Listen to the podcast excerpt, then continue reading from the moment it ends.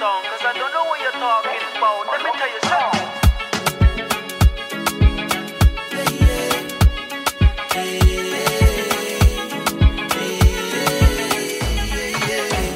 Kim, Ja, welkom in Amsterdam. dankjewel. Hoe lang is het geleden dat jij in Amsterdam bent geweest? Oh jeetje. Ehm, ik denk dat het voor een training was die ik heb gevolgd. Dus ik denk echt al anderhalf jaar. Oké, Ja. ja, dat is lang geleden. Wat voor training was dat dan? Ehm, dat was een training van Essence. En het was echt een ervaringsgerichte training. Dus Ja. je doet bepaalde oefeningen, je doet bepaalde eh, opdrachten, waardoor je bepaalde lessen echt ervaart, laat maar zeggen. In plaats van dat je ze alleen hoort Aha. en dat het op een bord geschreven is Ja, of noem ja. maar op. Nee, deze ervaar je echt. Mooi dat, het- dat je dat ervaart, want je ziet heel veel van die, eh, van die TED-talks bijvoorbeeld. Ja. Ja, dat is super inspirerend, maar de volgende dag ben je het misschien ook gewoon weer vergeten. ja. Dat gebeurt heel veel. Ja, het is een van de heftigste trainingen die ik gedaan heb, denk ik. Mhm. Maar wel een van de nou, trainingen waar ik het meeste uit heb gehaald, zeker. Mooi. Ja, Hoe is het met je? goed. Ja? Ja, In deze bijzondere tijd? ook goed. Oké. Ja. ja. En wat betekent dat? Nou, eh, mijn bedrijf loopt goed. Ja, Ehm, ik ben mijn bedrijf aan het opbouwen. ja. Ehm, ik heb gewoon werk. Ik, eh, ik doe gewoon wat ik leuk vind. Ja. Dus eigenlijk is er voor mij niet heel veel veranderd. Nee. Je komt uit Nee. Arnhem? Geboren getogen? Nee, Oké, nee, ik ben in Doetinchem geboren. oké. Ja, Dat is vlakbij? Nee? Ja? Help me even. ja een half uurtje vanaf Arnhem. Oké, Richting de Achterhoek. oké. Ja. Helder. Hey, hoe zijn wij weer in contact gekomen? Want ehm, je stuurde mij een berichtje over een, eh, over een podcast die ik had gemaakt, volgens mij. Ja, het ging over woede of verdriet, geloof ik. Oh. Dat was een Ja. van jouw eh podcast en daar reageerde ik op. Ja. En toen zei ik, nou, ik vind het eigenlijk wel een keer leuk om te sparren over Ja. hoe jij gevoel ziet of eh, noem maar op. En ja, toen heb ik je een berichtje gestuurd. Ja. En toen zei jij, nou, zullen we een podcast opnemen? Dat was niet de intentie in eerste instantie, Nee, snap ik. van mijn bericht dan. Ja. En eh, toen dacht ik, ja, waarom niet? Lijkt me leuk. Ja, ik, ik zei natuurlijk ook van laten we een podcast doen met elkaar, omdat ik ook heb gekeken waar jij je mee bezighoudt. Ja, En ja, dat interesseert mij heel erg. Ehm, ja, en zoals jij weet heb ik deze podcast opgericht, om het zo maar te zeggen, Ja. om eh, de verbinding aan te gaan met, met, met mensen. Mhm, super tof. Eh, en jij houdt je daarnaast ook weer bezig met het doorknippen van koorden. Ja, Dus dat is eigenlijk de verbinding losmaken met bepaalde mensen. Ik denk dat wij, het, het klinkt heel tegenstrijdig, maar het hoeft denk ik niet zo te zijn. nee, denk ik ook niet inderdaad. Ehm, dus ja, misschien kan je wel even vertellen wat, ja, wat dat precies betekent. Ja, ik, ehm, ik heb er natuurlijk over nagedacht. Hoe kan ik het zo goed mogelijk uitleggen, ook hier Ja. voor de podcast. Ja, En ehm, nou ja, waar je het heel erg mee kan vergelijken is vergelijk het met een soort van Siamese tweeling. Misschien een beetje een rare vergelijking, mhm, maar een Siamese tweeling die deelt natuurlijk een bepaalde bloedbaan vaak of een bepaalde levensader. mhm, En als zij gescheiden worden, dan krijgen ze ieder hun eigen bloedbaan. mhm, Maar eigenlijk de band of de liefde of de relatie, mhm, dat wordt niet verbroken. Dat blijft gewoon in stand. mhm. En dat is eigenlijk wat ik met het koorden doorknippen eigenlijk precies hetzelfde doe. Het is niet dat de band in één keer anders wordt. Of het is niet ehm, dat jullie contact in één keer... Ja, er verandert wel wat, maar in positieve zin. Ja, Heel veel mensen denken, vinden het wat enger, omdat ze dan denken... Ja, maar dan heb ik helemaal geen contact meer. Ja, dat is niet het geval. Ik haal alleen het negatieve weg. En het positieve wordt juist versterkt, waardoor het onbewuste eigenlijk ehm, ja, alleen maar een mooiere vorm aanneemt. Er zitten minder triggers in de communicatie, ehm, nou ja, dat soort dingen. ja want bij zo'n Siamese tweeling is die, die, die energie is al vanaf, eh, ja, tijdens de zwangerschap is die al, zeg maar, een soort van één. Ja, Eh, maar bij mensen is dat niet zo. Bij mensen zou je dus echt wel een band moeten creëren voordat... eh, nou, ik denk dat, ehm, ik zie dat wel ietsjes anders. Ehm, vanaf kleins af aan ben ik al best wel hooggevoelig. mhm, En in de loop van de jaren dat ik mijn opleiding heb gedaan en ook de trainingen en cursussen die ik heb gedaan, kwam ik er eigenlijk steeds meer achter dat eigenlijk alles om je heen energie is. mhm, Ehm, en dat wij eigenlijk ook bepaalde patronen, overtuigingen meenemen vanuit ons familiesysteem. mhm, Dat zit eigenlijk helemaal doorgeweven. Maar ook van mensen in, in onze omgeving. In een NLP-training wordt het bijvoorbeeld heel erg uitgelegd als A-spelers, B-spelers. En dat zijn dan mensen waar je iets van kunt leren als A-spelers. Mhm. Maar ik zie het echt als je met bepaalde mensen omgaat. Je neemt hun energie ook op een bepaalde manier over. En je kunt dus ook bepaalde overtuigingen bij je dragen, bepaalde patronen bij je dragen die niet van jou zijn. En eh, ja, daar hoef je geen familie voor te zijn. Nee, dan hoef je eigenlijk... Dat is zeg maar het nabijheidseffect, om het zo maar even te Ja. zeggen. Precies. Ja, dus als je gewoon een, eh, een connectie hebt met, met wie dan ook... of het nou fijne energie is of niet... ja. je neemt het gewoon over. Ja, Ja. dat gebeurt heel automatisch. Ja. En dat merk ik ook wel bij mezelf, want ehm, ja, ik kom uit een omgeving waarbij de, de energieën niet altijd even prettig zijn. Mhm. Ehm, maar toch vind ik het best lastig om er afstand van te nemen. Maar dat is ook best wel moeilijk. Oké. Want wat doe jij daar zelf aan om daar afstand van te nemen voor jezelf nu? Ehm, ik zit even te denken. Ja, ik merk nu wel dat ik wat minder het contact initieer. Ja, Ja, dat doe ik wel. Maar tegelijkertijd brengt het onbewust wel een bepaald soort schuldgevoel met zich mee. Bij mij in ieder geval. ja, het is natuurlijk afhankelijk van de relatie wat je met die persoon, Persoon hebt, hebt. of de connectie Aha. die je hebt. Ja. Ehm, maar ja, het is heel lastig, dat klopt. En nou ja, mijn visie daarop in ieder geval is, ook al initieer je het contact niet, Mhm, als die andere persoon aan je denkt, mhm, of ehm, in een negatieve manier of een positieve manier, mhm, ehm, dan voel jij dat ook in je energie. Dus of er geen contact is of weinig contact, dat maakt niet zo heel veel uit, want die connectie is er al. Die verbondenheid met die persoon is er al. En wat ik dus in mijn kutte koordsessies doe, eh, dus echt het koorden doorsnijden, is die connectie eigenlijk, die negatieve connectie weghalen. Mhm. En die negatieve energie, die negatieve lading weghalen. Omdat het natuurlijk effect heeft op mijn eigen energie. Tuurlijk. Ja, wat ik zelf ook merk. eh, bepaalde vriendschappen bijvoorbeeld, die, Mhm. die ik eerder heb gehad. En dat zijn, voor mij zijn dat een van de moeilijkste keuzes die ik heb moeten maken in mijn leven. Om die vriendschappen gewoon stop te zetten. Mhm, Omdat ik er niks meer uithaalde. Omdat ik er niet meer eh, van groeide als persoon. En ook al zag ik die persoon één keer in het half jaar, dus daarom vind ik wel mooi dat je dat voorbeeld gaf. Eh, ook al zag ik die persoon maar één keer in het half jaar en woonde die aan de andere kant van Nederland, laat maar zeggen, ik had er alsnog last van. Mijn intuïtie kwam niet helder door, omdat er gewoon een ruis op de lijn zat. De energie Mm. was niet lekker. Dat, eh, Oké, dus je hebt zelf ook in jouw leven eh, ja, energetische koorden oh zeker. door moeten knippen. Ja, ja, en best wel veel ook. Ja? Ja, ook van familieleden? ja ook van familieleden. Ja, zeker. Kun je Ehm, daar wat over vertellen? Ja, ik weet niet hoeveel je wil weten, maar ik ben heel open hoor. Spirit, Dus, eh, spirit. ehm, nou ja, mijn jeugd is niet heel, heel eh, gezellig geweest. Laten we het daarop houden. Mhm, Ehm, veel geweld, alcoholverslaving van mijn vaders kant. Ehm, nou ja, goed, dat had natuurlijk ook effect op mij, eh, op mijn moeder. Ehm, De gehele zi- gezinssituatie. Ja, en op een gegeven moment werd het onveilig. Nou ja, dan word je abrupt uit een situatie genomen. Ga je naar een blijf van mijn lijfhuis, waar je vervolgens verblijft.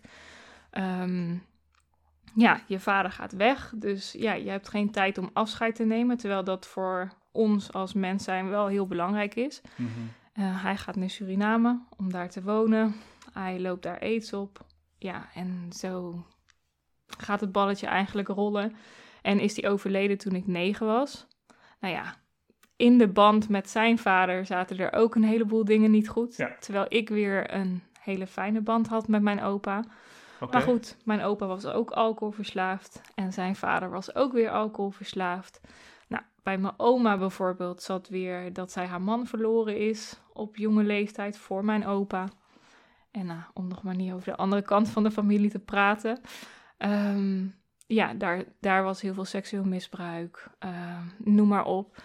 En ja, dat zijn toch wel dingen die echt vanuit je familiesysteem doorgegeven worden. En waarvan ik op een gegeven moment zoiets had hoe meer trainingen je doet, hoe meer opleidingen je doet, hoe verder je die ui afpelt, wat mensen wel eens zeggen, weet je wel. Totdat ik op een gegeven moment echt dacht, ehm, ja, nu kom ik wel echt bij de kern. Mhm, En dat was eigenlijk tijdens mijn opleiding holistisch therapeut. Ehm, en de training waar ik het net over had. Dat ik dacht, er is eigenlijk nog veel meer dan alleen wij zelf en ons eigen leven en wat we hebben meegemaakt. Ehm, door mijn vader had ik onder andere de overtuiging: ik ben het niet waard om voor te leven. Omdat hij zijn alcoholverslaving niet voor mij stopzette, laat maar zeggen. Nu weet ik natuurlijk dat het wel anders is. Als, als, als jong meisje heb je geen flauw idee. Nee. En dan betrek je het allemaal op jezelf. Ja.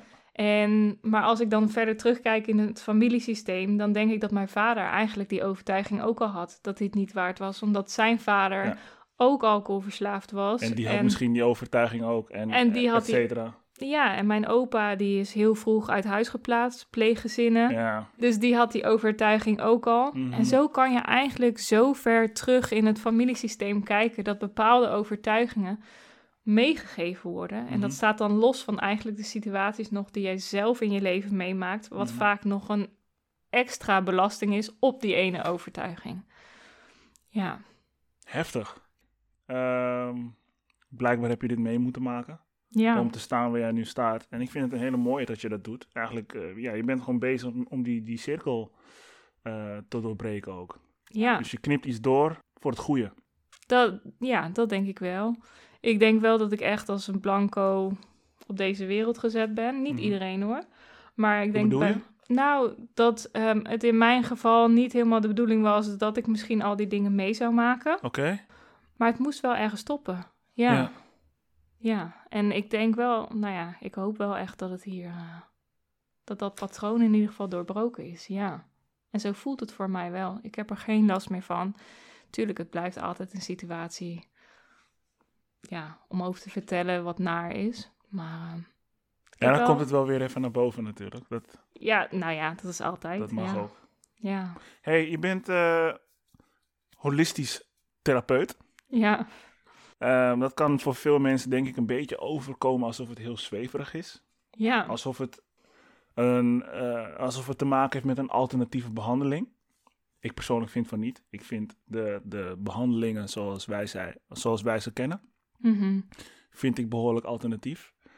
Eh, maar misschien kan jij even vertellen wat een holistisch therapeut precies is en wat, wat zo iemand doet. Ja, Ehm, dat kan ik, zeker. En even om terug te komen op je zweverige stukje. Ehm, ja, er zijn holistische therapeuten waarvan ik echt denk, nou, ehm, hè, die zijn heel, zien er voor mij heel zweverig uit. Die hebben bepaalde rituelen, wat voor mij heel erg zweverig is. Mhm. Ehm, maar iedereen vult het in op zijn eigen manier. Ja, Ja, Ja. ik ben zelf niet zo zweverig. Dus maar ik, ja, ik verweef echt wel spirituele dingen in mijn behandelingen. Ja. Maar ja, je zal nooit dat gevoel krijgen wat je standaard bij spiritueel hebt, laat maar Mm. zeggen. Of de meeste mensen in ieder geval. Oké. Ik kom zelf uit de reguliere zorg, ik ben maatschappelijk werkster. Ja. Nou, daarna heb ik me, nou ja, niet omgeschoold, maar heb ik de extra opleiding holistisch therapeut gedaan. Mhm. En ik denk dat het wel het makkelijkste is om uit te leggen ehm, waar holistisch voor staat. Holistisch ziet jou eigenlijk als mens zijn als één geheel. Ehm, dus niet alleen het fysieke, niet alleen het mentale, niet alleen het emotionele, maar ook het energetische, het spirituele. En dat, dat alles invloed heeft op elkaar. Mhm. Ehm, wat wij in Nederland in de reguliere zorg veel doen, is alleen het fysieke punt bijvoorbeeld bekijken. Dat doen we als huisarts zijnde of eh, in het ziekenhuis. Als jij je knie hebt gebroken, ik zeg maar even iets geks, of verstuikt. Nou, dan maken we een foto en dan kijken we of we iets zien. En dan is het puur fysiek, laat maar Ja. zeggen. ja. Ehm, mentaal, emotioneel wordt wel vaak samengepakt. Ehm, bij een psycholoog bijvoorbeeld. Ehm, bij een psychiater misschien ook. Ehm, dan wordt ook met medicijnen, maar goed, los even daarvan. Dat is vaak mentaal, emotioneel. Nou, dan heb je vaak het energetische stukje. Dan heb je van die behandelingen als reiki, eh, acupunctuur. Al werken die ook door op fysiek en Mhm. nou ja, andere niveaus. Mhm. Ehm, maar het gaat er eigenlijk om dat, dat je een bepaalde klacht, en een fysieke klacht is even het makkelijkst om als uitgangspunt te nemen, om het zo duidelijk mogelijk uit te leggen. Dat je het gewoon vanuit verschillende invalshoeken bekijkt. Mhm. Ehm, als voorbeeld, er kwam een man bij mij die reageerde op een van mijn Facebook-posts dat ik het zo duidelijk kon uitleggen Mhm. en dat hij dat heel fijn vond, maar hij had al jarenlang last van rugpijn. Mhm. En ehm, hij vroeg mij, kan je daar ook iets voor mij in betekenen? En toen dacht ik, ja, dan moet ik echt invoelen. Hè? Dat, ik kijk dan naar mijn intuïtie, ik pendel het uit. Ehm, Je kijkt naar jouw intuïtie of Ja. jij iets voor hem zou kunnen betekenen. ja, Oké. iedereen kan, ja, dat klinkt misschien gek, iedereen kan bij mij komen, maar het wil niet zeggen dat ik diegene ook ga helpen. Oké. Ehm, ik voel echt of ik iets voor die ander kan betekenen en ik ben Mhm. daar vrij zuiver in. Ook al, het gaat me niet om het geld, ik wil echt iemand kunnen helpen. Mhm. En dat is voor mij het belangrijkste. En als ik het gevoel heb dat ik dat niet kan, dan zal ik dat ook gewoon eerlijk zeggen. Kan jij beschrijven hoe jij dat voelt? Ehm, ja, dat kan ik denk ik wel beschrijven. Ehm, ik kan in ieder geval beschrijven wat ik dan doe. Ehm, ga, kom ik zo op terug. Want ehm, dat heeft met een bepaalde oefening te maken op energetisch niveau. Oké. En dat ga ik je zo uitleggen. Helder. Ja, is goed. Nou, die man kwam met rugpijn, kwam die bijvoorbeeld eh, bij mij. Mhm. En, nou, niet bij mij, gewoon via Zoom. Want het was coronatijd. Oh ja, natuurlijk. en ehm, toen zei ik, oké, ik ga eventjes op jou afstemmen en invoelen of ik je kan helpen. Nou, dat kon ik. Naar mijn eh, intuïtie kon ik dat. En hij had twee behandelingen nodig. En nou ja, ik, voor hem een afgestemd traject in ieder geval. Ehm, omdat zijn klacht voornamelijk op energetisch en spiritueel niveau lag. En niet op fysiek niveau. Ik vraag altijd na, ben je naar een eh, fysiotherapeut geweest? Ben je ermee naar de huisarts geweest? Heb je dat soort dingen in ieder geval uitgesloten? Want ik kan niet bijvoorbeeld ehm, iets rechtzetten in jouw rug. Dat gaat niet. Met mijn behandeling op afstand energetisch. Nee, dat gaat gewoon niet. Dus ik voel altijd in of ik iemand kan helpen. Maar ik kijk bij zijn rugpijn wel van oké, op fysiek niveau. In ieder geval zit de blokkade bij zijn rug. Dat is Mhm. duidelijk. Mhm. Maar dat staat ook voor een, bepaald, eh, een bepaalde mentale overtuiging over jezelf. Het staat voor een bepaalde emotionele overtuiging over jezelf. En energetisch kan die het dus ook weer overnemen, wat ik net zei, van iemand anders bijvoorbeeld, of van hemzelf. En spiritueel kan het ook, spiritueel in deze zin, je opvoeding valt voor mij onder spiritueel Mhm. en vorige ja, generaties, laat maar zeggen. Mhm. Nou ja, op die manier kijk ik eigenlijk naar de rugpijn. Ik zie het als één geheel. Mhm. Alles werkt met elkaar samen. Ehm, je hebt een bepaalde gedachte over jezelf. Dat ehm, komt er fysiek op een bepaalde manier uit. Een bepaalde blokkade. Ehm, nou, dat komt uit een bepaald systeem. Dus eh, spiritueel. Ja, en de blokkade is sowieso ook energetisch. En misschien zit daar ook blokkades bij van iemand in zijn omgeving of noem maar wat. En dan ga ik dus diegene behandelen op Mhm. afstand. En hoe ik dat dan invoel, ik werk vooral met Reiki. Dus Mhm. mijn behandeling is vooral energie. Mhm. Ehm, dat is eigenlijk de basis van mijn behandelingen. En voor degene die niet weet wat Reiki is, ehm Reiki geeft je eigenlijk energie door middels je handen aan een ander. Mhm. En dat kan als iemand bij je is, fysiek, als je op een behandeltafel ligt en je legt je hand erop dat het warm wordt. Maar het kan ook op afstand. Je hoeft daar niet, ehm, als je Reiki Master bent, hoeft dat niet per se ehm, bij elkaar, laat maar zeggen. Mhm. Die Reiki, die geef ik eigenlijk eh, door in te tunen op iemands systeem. Dus ik visualiseer dan, eh, dit klinkt misschien wel zweverig, ik visualiseer dan dat iemand ehm, eh, ja, tussen mijn handen zit, laat maar zeggen. En dan ga ik langzaam het hoofd, keel, borst, nou, alle chakras af. Mhm. En dan voel ik dus waar het vast zit. Mhm. En ik pendel het dan daarna nog uit om, het, ja, om te kijken of mijn intuïtie het goed had. ehm, en dat het overeenkomt. En of ik diegene dus echt kan helpen. Ja. Hey, dus als ik het goed begrijp, ehm, hebben die fysieke klachten, die mensen dus hebben, Mhm. hebben dus te maken met hun energie. Niet altijd, hè? Soms is een fysieke klacht echt gewoon een fysieke klacht. Eh, ja, als jij gevoetbald hebt en je eh, maakt een bepaalde sliding of iemand, eh, ja, je valt en je valt op je knie, ja, mm, dan hoeft dat niet per se energetisch te zijn. Nee. Of ehm, oh, noem maar op. Er zijn mensen die daar wel in geloven hoor. Maar voor mij is het dan gewoon, nee, die klacht is gewoon fysiek. Nou, ik heb soms mijn, mijn, mijn twijfels om daarin te geloven. Ehm, want ik heb eh, enkele maanden terug heb ik mijn Achillespees gescheurd. Mhm. was met voetballen. Ja. Ik, ik had precies die dag, had ik twee weken vrijgenomen van werk. Om even bij te komen van, oké, wat wil ik nou precies met mijn werk doen? ja. Ik ging voetballen die dag en niemand raakte mij aan. Niemand duwde me of iets. En ik hoorde opeens krak. Opeens Ja. was mijn Achillespees gescheurd. En de eerste paar minuten deed het best wel veel pijn natuurlijk. Dus ik was echt flink aan het gillen. Mhm, maar daarna dacht ik wel heel snel van... Misschien moest dit zo zijn. Misschien zit er een bepaald soort energie in mij... dat op zo'n manier met mij communiceert... dat ik iets in mijzelf zou moeten veranderen. In dit geval is het natuurlijk wel indirect. Hè? Je Ja. bent het voetballen, dat kan een toevallige omstandigheid geweest zijn. Mhm. Kijk, als iemand jou echt pijn had gedaan, ja, dan is het wel puur fysiek natuurlijk. Ja, maar ik, be- ik bedoel dan ook, en dat klinkt misschien wel heel zweverig, dat ik, dat mijn energie mij zeg maar heeft gebracht om te gaan voetballen.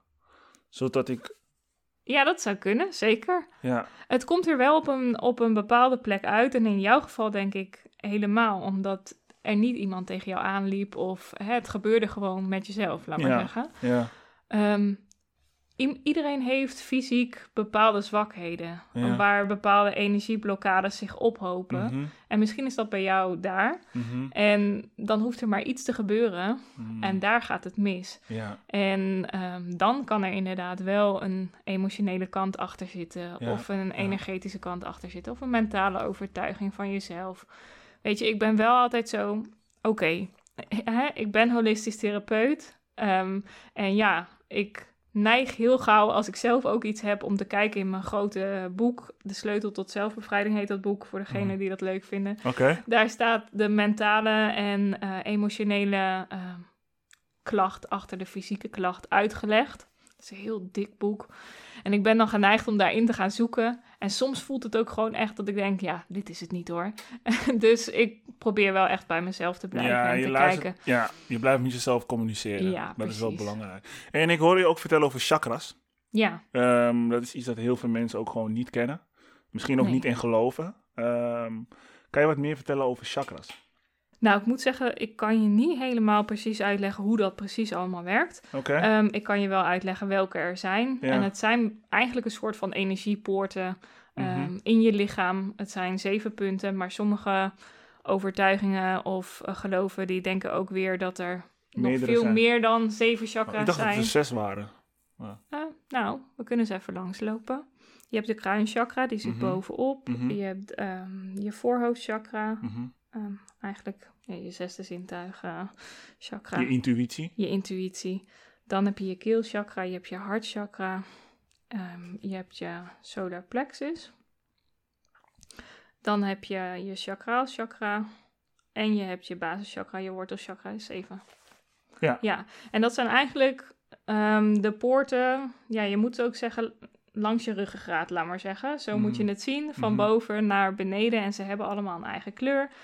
Ehm, en ehm, ja, dat zijn eigenlijk de grote poorten waar energie door naar binnen komt. Mhm. Zo, eh, Zo moet je het zien. zo zeggen ze dat ja, eigenlijk. want ik weet wel van die, die, die keelchakra bijvoorbeeld. Ja, Waar ik naar mijn idee misschien nog wel eens last van heb. ja, Ehm, ik, ik kom uit een omgeving waar er heel snel wordt beoordeeld of geoordeeld. Zeg ik dat juist?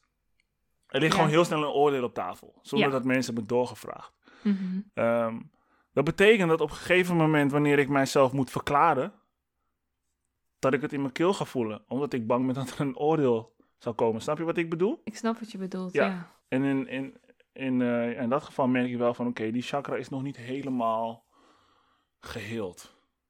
Nee, en ehm, je keelchakra is inderdaad met het uitspreken. Mhm. Want spreek je je wel altijd uit? Of krop je het soms ook op en zeg je het maar niet omdat je bang bent voor het oordeel? Precies wat jij zegt. Dus inderdaad, eh, het is geleerd om... Eigenlijk als het jou is aangeleerd dat jouw mening niet geldt... Mhm. ehm, dan durf je misschien ook niet meer uit te spreken.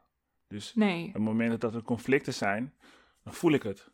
En ik weet nu wel van, oké, er gaat een conflict aankomen. Mhm. Of, of eh, nee, ehm, ja, er gaat nu een conflict aankomen. Ik voel het. ja. Maar dat wil niet zeggen dat ik, omdat ik het zo voel, dat ik dat conflict ga vermijden. Wat ik vroeger wel deed. Maar ik voel het nog steeds.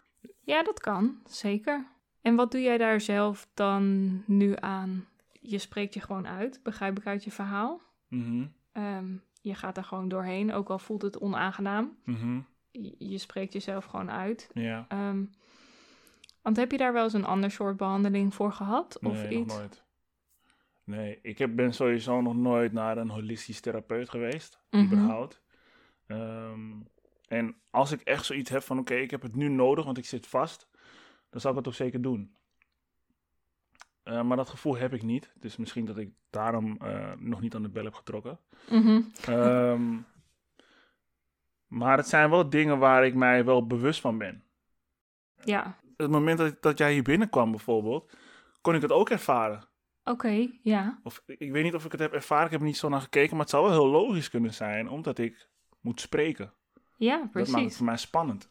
En wel heel tof dat je dan een podcast doet. Ja, ja, ja, ja. Is dat dan ook een manier om, eh, om, jouw, om jouw chakras te versterken? Ja, zeker. En voor je keelchakra kan zingen bijvoorbeeld ook een hele goede Ik zijn. hou van zingen, ja, ja. ja. Ehm, ja, je kan van alles doen.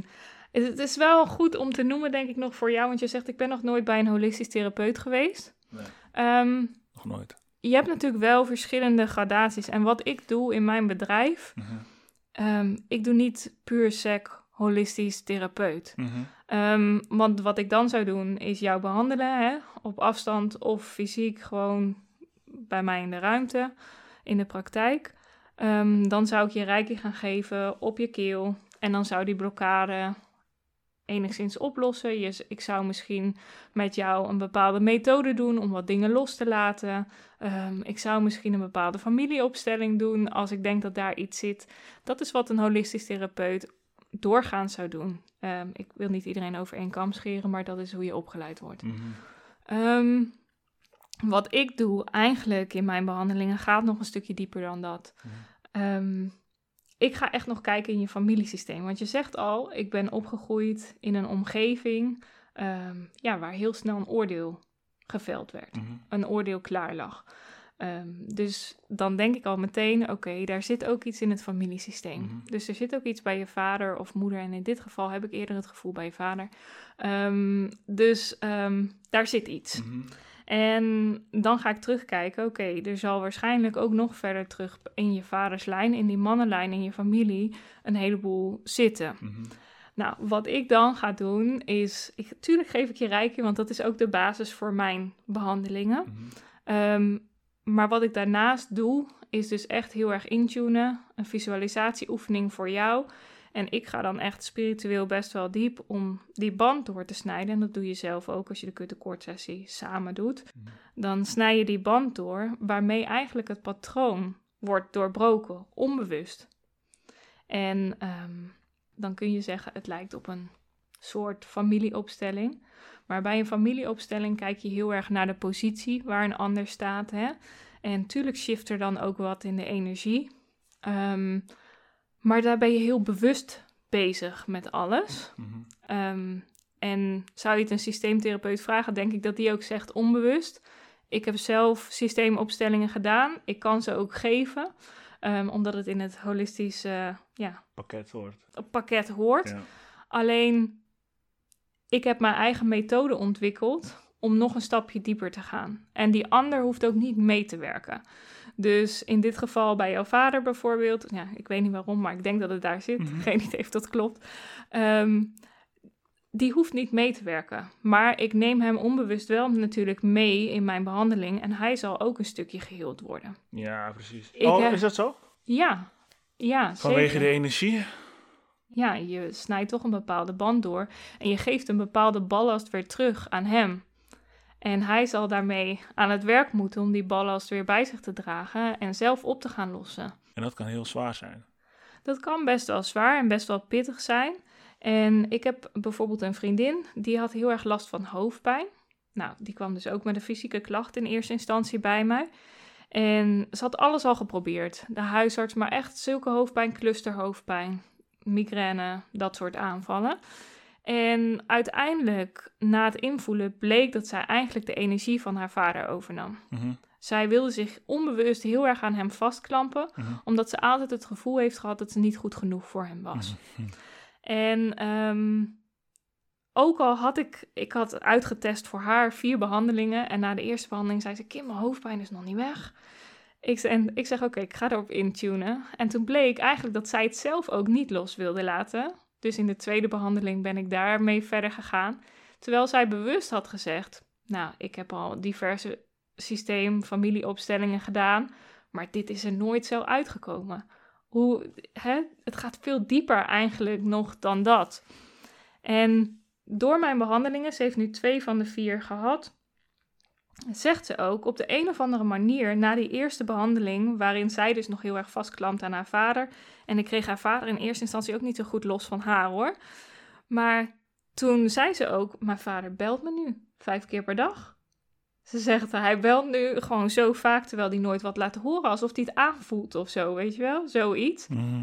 En ehm, nou, nu na twee behandelingen zegt ze, het is alsof de triggers weg zijn. Dus we Mhm. kunnen nu gewoon heel open met elkaar praten, terwijl er eerder altijd een soort van haat-liefde verhouding was. En hij had overal commentaar op wat Ja. ik vond en Er zit nog een Niet- bepaalde spanning. ja, en ze zegt die spanning is gewoon weg. En dan heb ik twee keer behandeld. En in haar geval doe ik het zelf, omdat het voor mij beter voelde. Dus ja, het gaat heel diep. En, maar je ziet bewust wel een gedragsverandering. Ja. Ja, en, ik, en ik hoor ook dat het best wel angstig kan zijn om toch die energie los te laten. Want je Ja. geeft aan dat zij het eigenlijk helemaal nog niet... Ze was er eigenlijk nog niet klaar voor. Nee, Aha. nee. Dus je moet er wel degelijk klaar voor zijn om die energie los te kunnen laten. Ja, en dat is een onbewust proces, hè? Want ehm, bewust was ze er echt wel klaar voor. Kijk, Ja. ze is een vrouw van. Nou, ik denk dat ze.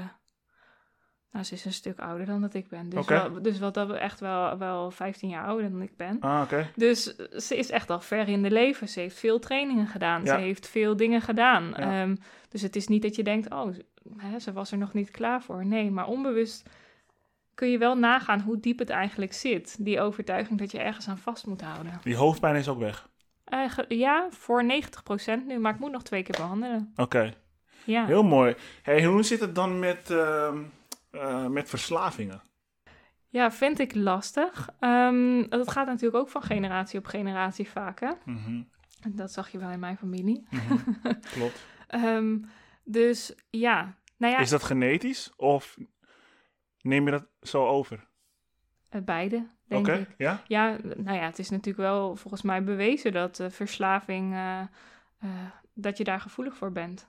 Ja, dat dat erfelijk is, laat maar zeggen. Ja, dat snap ik wel. Maar ik vraag me wel eens af ehm, in hoeverre dat in ons systeem zit. In hoeverre je daarmee geboren wordt. Kijk, zoals je aangeeft, je bent best blanco geboren.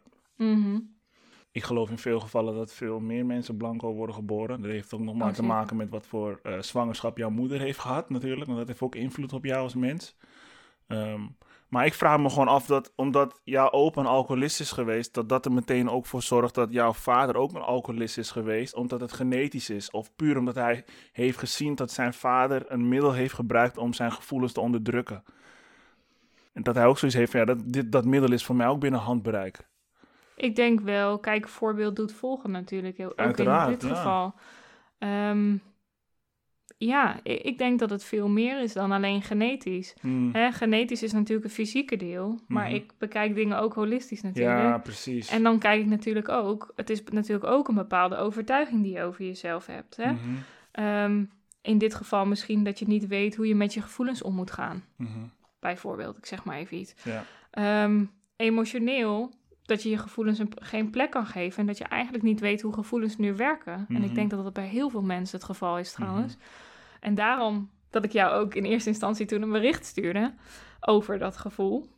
Maar ook energetisch en ook spiritueel. Hè? Je krijgt het door van generatie op generatie. En het is wel voor mij een hele bewuste keuze geweest om nooit zoveel te drinken. Ehm, omdat ik weet dat ik daar misschien fysiek gevoelig voor zou kunnen zijn. Dus dat heb ik bewust eigenlijk nooit gedaan. Is het dan niet de bedoeling dat je dat moet testen? Dat weet ik niet. Dat mij bedoel je met testen? Ehm, ja, je, ik hoor jou zeggen dat jij bewust ervoor hebt gekozen om niet te drinken. Nou, Eh, niet zoveel. niet, ja, oké, niet, niet los te gaan. ja. Ehm, maar goed, je drinkt dan wel. ja, ik drink wel. Ja, oké, het is niet dat je helemaal geen alcohol gebruikt. Nee. Nee, oké. Nee, wat, ik, wat, je, wat je veel hoort is dat mensen ehm, geen alcohol gebruiken, bijvoorbeeld, om alcohol eh, als voorbeeld te gebruiken, omdat zij daar geen goede ervaringen mee hebben gehad. Omdat Mhm. ze bang zijn dat het hun ook gaat overkomen. Dus Ja. is het dan niet zo dat je. eh, ja, hoe zeg ik dat? Je snapt wel wat ik bedoel, toch? ja, ik snap wat je bedoelt. En dat voorbeeld, aan beide kanten in mijn familie zit alcoholverslaving. Mhm. Dus zowel aan mijn vaders kant als aan mijn moeders kant. En dan vooral haar vader en zijn vader. Mhm. En ehm, ja, mijn opa, die drinkt eigenlijk vrijwel niet. Omdat hij heeft gezien hoe zijn vader met alcohol omging. Dus hij heeft inderdaad, wat jij zegt, hij heeft het gewoon compleet verbannen Mhm. uit zijn leven. Mhm. Maar wat je dan ziet, ehm, hij heeft het bewust meegemaakt. Mhm. Maar mijn opa heeft natuurlijk, eh, en mijn moeder, die heeft ook nog broers en zussen. En dan zie je het daar wel weer terugkomen, want beide broers van mijn moeder drinken ontzettend veel alcohol. Mhm. En waarvan ik van één echt wel kan zeggen, ehm, die luistert toch niet naar de podcast, eh, dat hij alcoholverslaafd is. Ja. Ja, dat, dat durf ik echt wel hardop uit te spreken.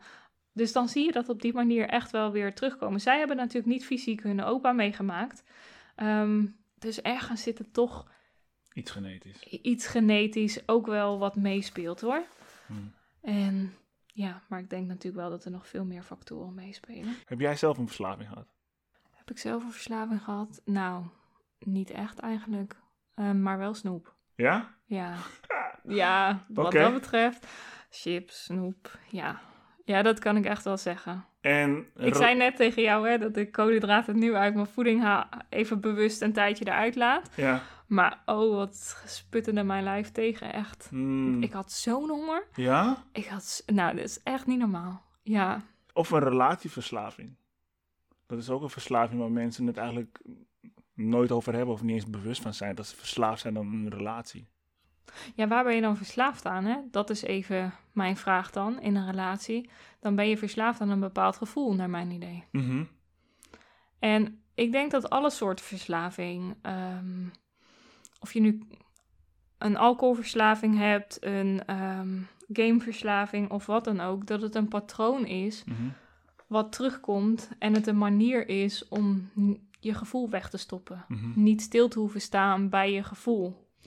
En dan komen we terug op het punt waarvan ik denk, wat heel veel mensen gebruiken gevoel en intuïtie ook door elkaar. Ja. En dat is wel een dingetje. Ik want ook trouwens, nu je het zegt. gevoel creëren wij zelf. Wij creëren onze eigen gevoelens in dit leven. Ja. Er, gaat, er is een bepaalde situatie, je hebt daar eerst een gedachte over en dan heb je een bepaald gevoel. Ja. Dus er zit een bepaalde overtuiging van jezelf bij. Neem een relatie bijvoorbeeld. Je hebt een ruzie gehad. ehm, en dan neem ik even een cliënt van mij als uitgangspunt. Je hebt een ruzie gehad en het gaat nergens over. Het gaat Mhm. over welke kip je koopt in de supermarkt. En ehm, eh, op de een of andere manier ben je het niet met elkaar eens. En dat mondt dan uit in ehm, dat je het gevoel hebt dat je niet goed genoeg bent. Ehm, ja, als je zo doet, wil ik geen relatie met je. Eh, noem maar op. Maar daar zit eerst een overtuiging van jezelf aan vooraf. Van hé, hey, ik ben het niet waard. Of hé, hey, ik reageer gek. Of hé, hey, wat ben ik eigenlijk stom dat ik zo reageer. Nou, je kunt van alles bedenken. En dan wordt je gevoel getriggerd. Je wordt in bepaalde patronen in dit leven, word je gewoon getriggerd. ja, niet iedereen wordt om dezelfde redenen getriggerd. Nee, zeker Nee, dus- niet. Ja. En gevoel creëer je daarmee ook zelf. Hmm. Hè, focus je je op hetgeen waar je geen invloed op hebt, of focus je op hetgeen waar je wel invloed op hebt. Mhm. is een verschil. Als je je focust op waar je geen invloed op hebt, ja, dan zul je vooral heel negatief door het leven gaan. Mhm. En vooral de dingen zien dat ze je overkomen. Focus je op het positieve. Nou, dat is een heel mindset verhaal natuurlijk ook. Maar ook gevoelens kun je overnemen van een ander. En daarom heb ik ook zoiets, er is veel meer dan mindset. Het is niet alleen mindset waar we mee te dealen hebben in dit leven. Energie is eigenlijk naar mijn idee groter dan mindset. Omdat we dus ook, wat ik in het begin zei, dingen overnemen van de mensen om ons heen of van onze familieleden. Nou ja, gevoel creëer je dus volledig zelf. Mhm. En vaak is het niet de situatie die ons gevoel creëert. Dus in mijn geval, in mijn vorige relatie, mijn ex ging vreemd bijvoorbeeld.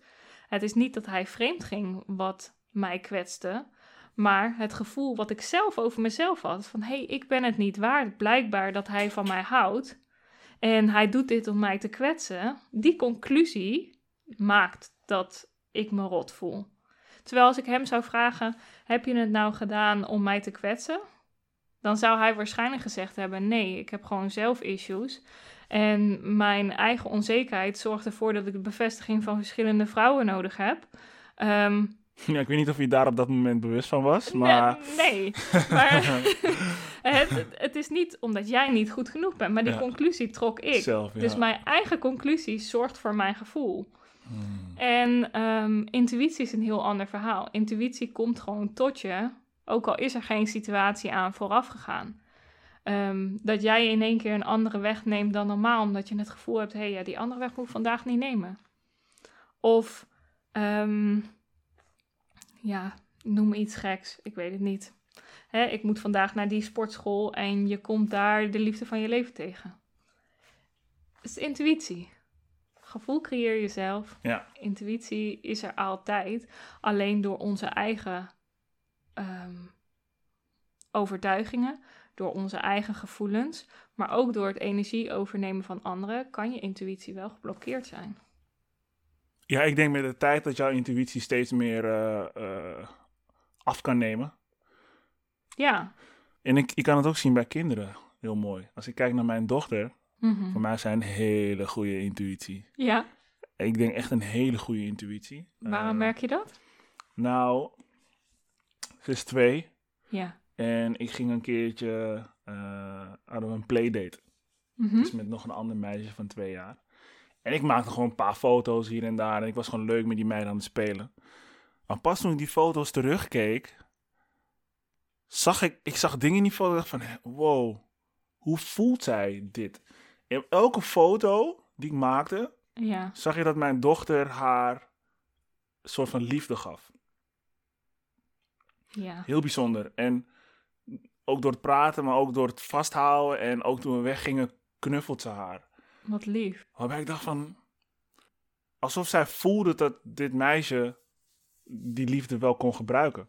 Ja. Bij kleine kinderen zie je dat inderdaad echt Ja, hè? echt heel veel beter. En het is ook bewezen volgens mij, eh, onderzocht. Bewezen klinkt zo raar. Mm. Voor mij hoeft niet alles bewezen te zijn. Maar het is onderzocht dat je in de eerste zeven jaar van je leven de bepaalde overtuigingen over jezelf creëert. Mhm. En de bepaalde patronen creëert. Mhm. eh, wat de basis zullen zijn voor de rest van je leven. Ja. Ja, En ja. vandaar ook dat je ja, rond die leeftijd dat je ziet dat het af gaat nemen. Eh, maar bij sommige kinderen ook niet. Dus even heel, heel zwart-wit. hè. Eigenlijk als je in therapie gaat, Ja. zou je eigenlijk altijd terug moeten gaan naar de eerste zeven jaar van jouw leven. Ehm, ja, toevallig heb ik mijn afstudeeronderzoek daarover gedaan. En waren, ja, waren daar heel veel meningen over verdeeld. Want ehm, zoals oplossingsgerichte therapie... Ik kom natuurlijk uit de reguliere zorg, hè? Mhm. Dat was mijn afstudeeronderzoek van de reguliere zorg, van Mhm. maatschappelijk werk. De reguliere therapie en de reguliere zorg vinden dat niet. Want kijk naar oplossingsgerichte therapie bijvoorbeeld. Mhm. Die zeggen gewoon, je hoeft niet terug naar je jeugd om bepaalde issues op te lossen. Mhm.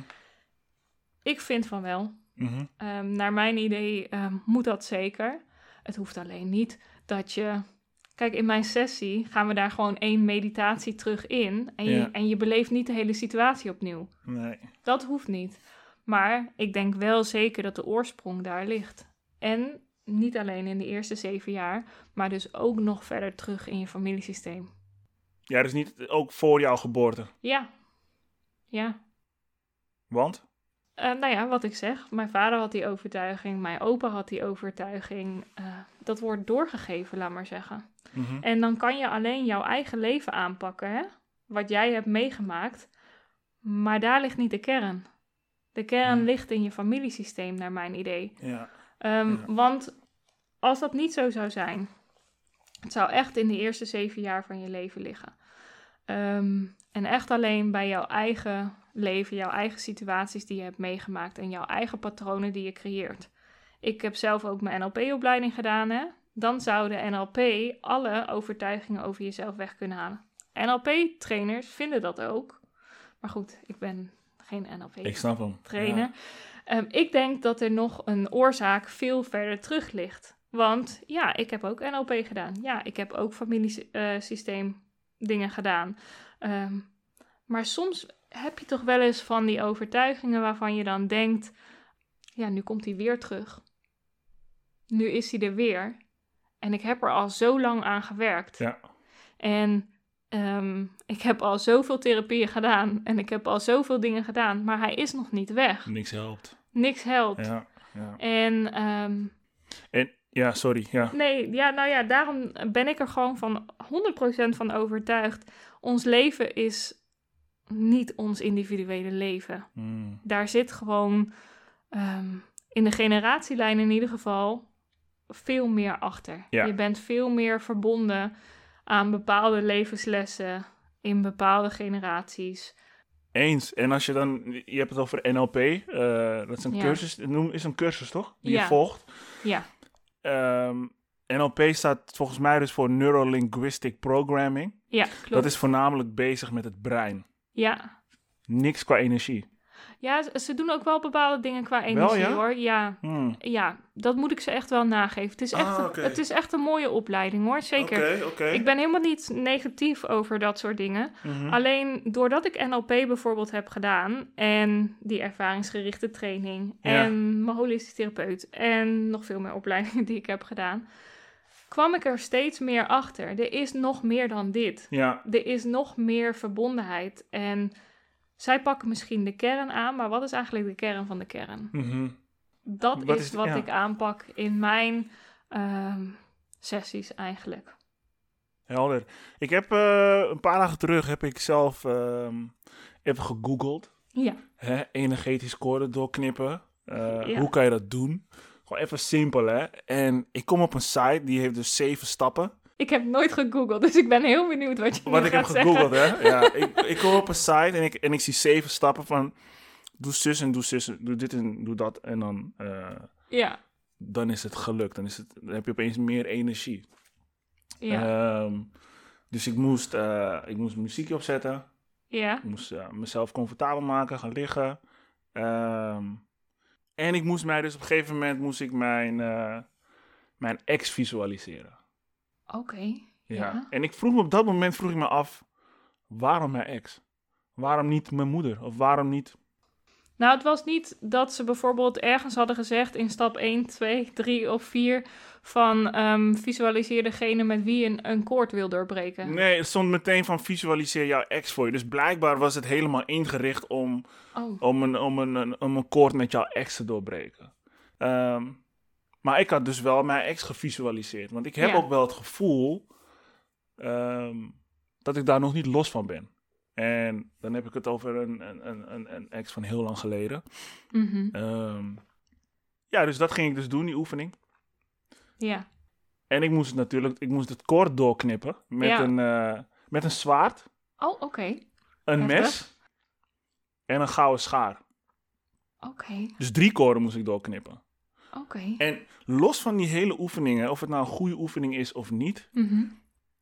ik had heel veel moeite om met dat mes het koord door te knippen. Echt, het duurde echt heel lang. Ik was zeker een minuut bezig om het, om het door te knippen. Ja. Eh, betekent dat nog iets?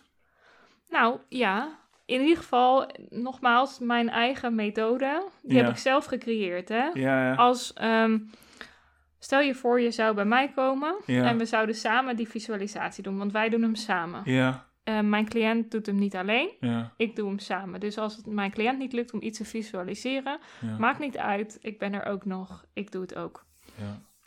Als het bij mij lang duurt, betekent dat dat er gewoon ehm, van beide kanten nog iets is wat iemand vast wil houden. Ik heb soms ook wel eens, ehm, nou bij die vriendin bijvoorbeeld, dat ik het gewoon niet doorgeknipt kreeg. Dat ik dacht, ja, hallo. Let's go. moeten- ja, Schiet op, weet je wel. ik, heb er geen zin in. en ja. ja, nou ja, goed. Ehm, voor mij betekent dat gewoon dat er, en vooral vaak van de andere kant van de lijn, laat maar zeggen, Ja. dat diegene niet los wil laten. Dat, Ja. En niet bewust, hè? Want diegene kan onbewust al wel tien stappen Ja, verder zijn. snap hem. Maar onbewust dat diegene niet los wil laten. Hmm, het is ook zo moeilijk om je los te maken van mij natuurlijk. Ja, heel moeilijk. dus ja, nou, Ah, voor mij betekent het dat in ieder Ja. geval. ja. Maar als je dat leuk vindt. ehm, want heb je trouwens iets gemerkt daarna? Voelde je je meer vrij of. Nee, niet per se. Weet je, ik, ik had ook zoiets van, het zal wel. Uh, Maar ik ging me wel focussen op een stukje van, oké, blijkbaar... Het zwaard ging oké, eh, maar het mes... dat, was, eh, ja, dat was echt een dingetje. Dat ging echt heel moeilijk. Ik moest er echt keihard voor... Ik moest er gewoon keihard voor werken eigenlijk. Ja, Om het mes door te snijden. Ja, ik weet niet wat hun reden is om drie dingen te gebruiken. Ik heb ook geen idee. En een gouden schaar, ik dacht, "Wa- waarom een gouden schaar? Maar Voor mij zijn die dingen niet zo belangrijk. In die zin, Nee. ik ehm, stem af op iemand ja, en ik krijg dan door wat iemand mag gebruiken. mhm, En dat gebruik ik. En 9 van de 10 keer is dat gewoon een schaar. ja. Eh, geen gouden. Gewoon een schaar. Gewoon een schaar. Ja, Ehm, ja, en als dat dan niet lukt, nou dan plaats ik er wel een of ander scherm tussen in mijn eigen visualisatie. Van Ja. hé, ja, nu ben ik klaar mee. Nu zet ik er gewoon iets tussen. ja. En je komt niet meer in de buurt. Nu, dan weer dit. Ehm, heb jij zelf nu nog energetische verbindingen die jij wilt doorbreken? Of die je wilt doorknippen? Ja, Momenteel. ja. Oké. Ja. M- Waarom heb je daar nog niks aan gedaan? Ehm, ik moet zeggen, bij jezelf is het wel een stukje anders Hm. ehm, dan bij iemand anders. Ehm, ik kan het wel bij mezelf. Nou, laat ik het zo zeggen. Je wil een groei maken, eh, een groei doormaken in je leven. Mhm. En mijn basisscoren zijn eigenlijk wel vrijwel doorbroken. Mhm. Maar de, mijn moeder kan het trouwens ook. Dus als ik er zelf niet uitkom, dan, kan, dan vraag ik soms mijn moeder. Maar ik wil een bepaalde groei in mijn leven. En ik ben ervan overtuigd, als je naar next level wil gaan in je leven, zou je weer bepaalde dingen achter je moeten laten. Klopt. En op dat level, ja, op die situatie, in die situatie zit ik nu eigenlijk. Ik heb Mhm. een aantal ehm, eh, mensen om me heen waarvan ik denk, ehm, nou ja, die zou ik los mogen laten. Mhm. En dat vind ik, ook dat vind ik zelf nog best wel lastig. Ik Mhm. voel intuïtief dat ik die persoon eh, eh, los mag laten. Maar ja, met je hoofd is dat een moeilijke keus. Ehm, want je kent iemand al heel erg lang. En eh, je hebt de bepaalde situaties met diegene doorgemaakt. Maar het kan zijn dat bepaalde personen je op een bepaald level houden waar, wat jij wil ontgroeien. Dus zal je die persoon los moeten laten. En ehm, daar ben ik nu in mijn omgeving mee bezig. Ja, wie in mijn omgeving mag ik nu loslaten om zelf een stapje verder te komen. Ja. Heel mooi. Ja. Heel mooi. En dat herken ik ook. Ehm, ik heb ruim drie jaar geen contact met mijn moeder. Ik heb de... Nog steeds niet? Nee, Oké. ik heb de, de verbinding verbroken. Mhm. Om even in de, in de woorden van mijn podcast te blijven. Ja. Ehm, omdat mijn moeder mij meer energie kostte dan dat het mij opleverde. Door die verbinding te verbreken ben ik steeds meer gaan leven zoals ik dat wil. Mhm. En dat voelde als een bevrijding. Maar zo nu en dan voelt het alsof de, ja, de verbinding er energetisch nog is. Snap ik, ja, want ik wou net aan je vragen: is het echt verbroken? Ja, precies. Dus ik, ik, ja, ik kan ook niet vertellen of dat, of dat hetgeen is dat effect heeft op mijn energie. Maar misschien kan jij mij dat vertellen. Nou ja, wat ik zei, ik voelde bij je vader voornamelijk dingen. Ja. Ehm, in ieder geval stra- hè, daar straks hè, over het thema waar we het toen over hadden. Ehm, ja, je moeder, moet ik even invoelen. Kan dat niet zo 1, 2, 3. Ehm, maar wat ik wel voor je wil doen, is als ik een keertje thuis ben en we die sessie gaan doen, laat maar zeggen, dat we dat Ja. stuk ook mee kunnen nemen. Ja, ik ben, eh, ik ben down. Let's go for it. Ja, maar ik vind, ja, het is wel, ik vind het wel een hele moedige keuze om dan zo iemand los te laten. Helemaal je moeder. Ja. Ja. En voor mij, eh, ehm, mijn mening, ik weet niet of je dat wil weten, maar mijn mening is in ieder geval, je hoeft niet altijd, sommige gevallen wel hoor, en ik ken jouw situatie natuurlijk niet, Hm. ehm, maar je hoeft niet altijd helemaal het contract te verbreken Mhm. om de negativiteit tussen mensen weg te halen. Alleen dat is, als je niet in dit koorden doorknippen punt zit, Ja. ehm, is dat de enige weg die je kent. Ja, oké. Ik denk, mijn situatie is echt even wat anders. Maar Snap ik, ik ik. snap hem. Ehm, wat wou ik nou zeggen? Soms heb je mensen, dat wou ik zeggen, soms heb je mensen waarbij het wel moet. Mhm. Je hebt bepaalde mensen die vooral heel veel geven. Mhm. Je, ehm, je hebt mensen die energie van je nemen Mhm. En die dat onbewust doen. En als je ze erop aanspreekt, corrigeren ze zichzelf. Klopt. Met die mensen hoef je naar mijn idee niet te breken. Maar je hebt ook mensen die bewust energie van je halen. En ook al spreek je ze erop aan, er gebeurt niks en er verandert niks. ja, in dat soort gevallen ben ik, ben ik ervan overtuigd dat het beter is om het contact gewoon te stoppen. Wat niet betekent, naar mijn idee, dat je band verbroken is. Nee, jij kiest er alleen gewoon heel duidelijk voor dat, ehm, dat het niet de normen en waarden zijn waar jij ehm, je in kan vinden. Ja. En waar jij, je mee, waar jij mee om wil gaan. Mhm. En ehm, je kiest daarin eigenlijk voor jezelf. Ja. Ehm, maar om dan de band gezond te houden, ja, dat doe ik dan weer in mijn sessies. Dat kan ook gewoon als er geen contact is. Of dat Mhm. kan ook gewoon als iemand overleden is. Of dat kan ook gewoon eh, op zo'n ander moment. En ja, of daarna het contact wel of niet komt, omdat die andere persoon daarin ook onbewust verandert. Ja, dat kan altijd. Hè? Dat ik die vriendin, eh, vriendinnen misschien nu ehm, van tien jaar geleden los heb gelaten, tien jaar geleden, laat maar zeggen. Dat kan best zijn dat zij hun eigen proces hebben doorgemaakt. Dat En dat ze over een jaar weer in mijn leven komen. Ja. Ja. Dat was een paar levels terug, laat maar zeggen, waarin ik wilde groeien. Of de persoon die ik nu los wil laten, ehm, dat die over een paar jaar wel weer terugkomt. Dat, dat weet je niet. Dat, dat, ja, je weet niet hoe dingen lopen. Nee, nee. Maar goed, al met al, ehm, in ieder geval is het zo dat wanneer je relatie een grote impact op jou heeft gehad, je stevige energetische banden eh, met elkaar hebt gecreëerd. Ja, zeker. Het maakt niet uit met wie die relatie is. En dat gebeurt natuurlijk ook vaak genoeg met collega's. Ja, en het hoeft niet eens een hele stevige relatie te zijn. Als iemand hooggevoelig is of zijn intuïtie, zijn of haar intuïtie heel erg open staat. Als ik in de supermarkt loop, Ja. loop, kan ik ook iets voelen van degene die langs me heen loopt. Ja, Of overnemen van diegene. Het hoeft niet iemand te zijn waar je per definitie meteen een band mee hebt gecreëerd. nee. Het schijnt ook zo te zijn dat je emoties en gemoedstand van iemand, eh, dus de emoties en gemoedstand van iemand nog dagelijks kan voelen. Al woont hij, weet ik veel hoe ver weg. Zeker, Duizend ja. kilometer van je vandaan. ja. Afstand, ja, wat is afstand? Met energie eigenlijk niks. Aha. Die is wel funny, ja. Ja. Maar goed, jij kan in principe kan je nu ook wel voelen of jij mij zou kunnen helpen. Ja, ik heb wel het gevoel dat ik je kan helpen. Ja, oké. Ja, Dat is fijn. ja is anders fijn. had ik het je niet aangeboden. Net, eh, ah, oké. nee, Ja. dan, eh, dan had ik gezegd, nou, ik ga straks even invoelen of het kan. Ik denk wel dat ik je kan helpen. En ik denk dat een kutte sessie voor jou wel ehm, in ieder geval al heel veel onbewust in het werk zou zetten.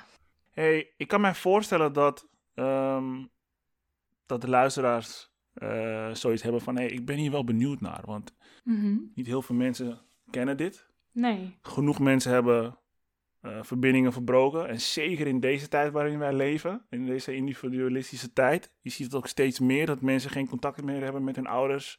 nee. Of geen contact hebben met die of, of weet ik het allemaal. Maar die energie is er nog steeds. Hoe kunnen ze jou dan het beste bereiken? Ze kunnen naar mijn website gaan. Ja, www.gamesforchange.nl.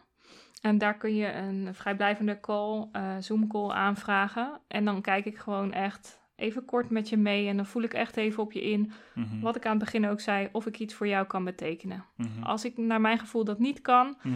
dan zal ik dat ook eerlijk zeggen. En Ja. dan, ehm, dan wil ik ook nog met liefde voor diegene invoelen wat voor diegene wel zou helpen. Aha, Maar ook op Instagram, Games for Change. Of eh, op YouTube kun je me vinden, gewoon onder mijn eigen naam, Kim van. Duinen. ja. Nou ja, dat zijn eigenlijk Facebook, de bekende kanalen. Dus de bekende social media kanalen. En LinkedIn uiteraard. Ja, zeker. Oké, ik weet niet hoe actief je daarop bent, maar daar heb ik het een en ander wel kunnen Iets minder. Ja? Ja, ja. Zou ik iets meer moeten zijn, maar ja. Ja, LinkedIn is eh, een hele, hele belangrijke. Ehm, ja, ik, ik, ik denk dat jij voor heel veel mensen wat zou kunnen betekenen. Ik vind dat je met hele, hele goede dingen bezig bent. Dat vind ik echt heel Dank leuk. je. Dank echt je. heel tof, weet je. Vooral dat je zo de diepte, ja, zo in de diepte gaat. Het is wel makkelijk om te zeggen, ja, ik, ben, ik wil psycholoog worden. Ik wil met mensen praten.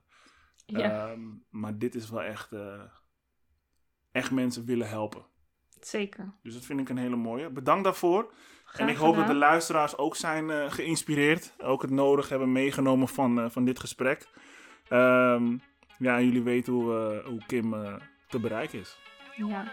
Heel erg bedankt allemaal in ieder geval voor het luisteren. En jij bedankt. Tuurlijk. En uh, we gaan aan de slag. Zeker weten, leuk. Thanks.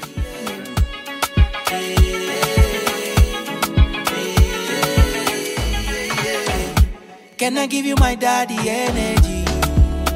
Energy. A little bit to you and some more from me. Some more from me. Higher gratitude is the thing I see. Close to my heart is the place to be. It's another song to make you come around. It's another song to make I hold you down. It's another song to make you come around. Come around, make I hold you down. It's another song to make you come around. It's another song to make I hold you down. It's another song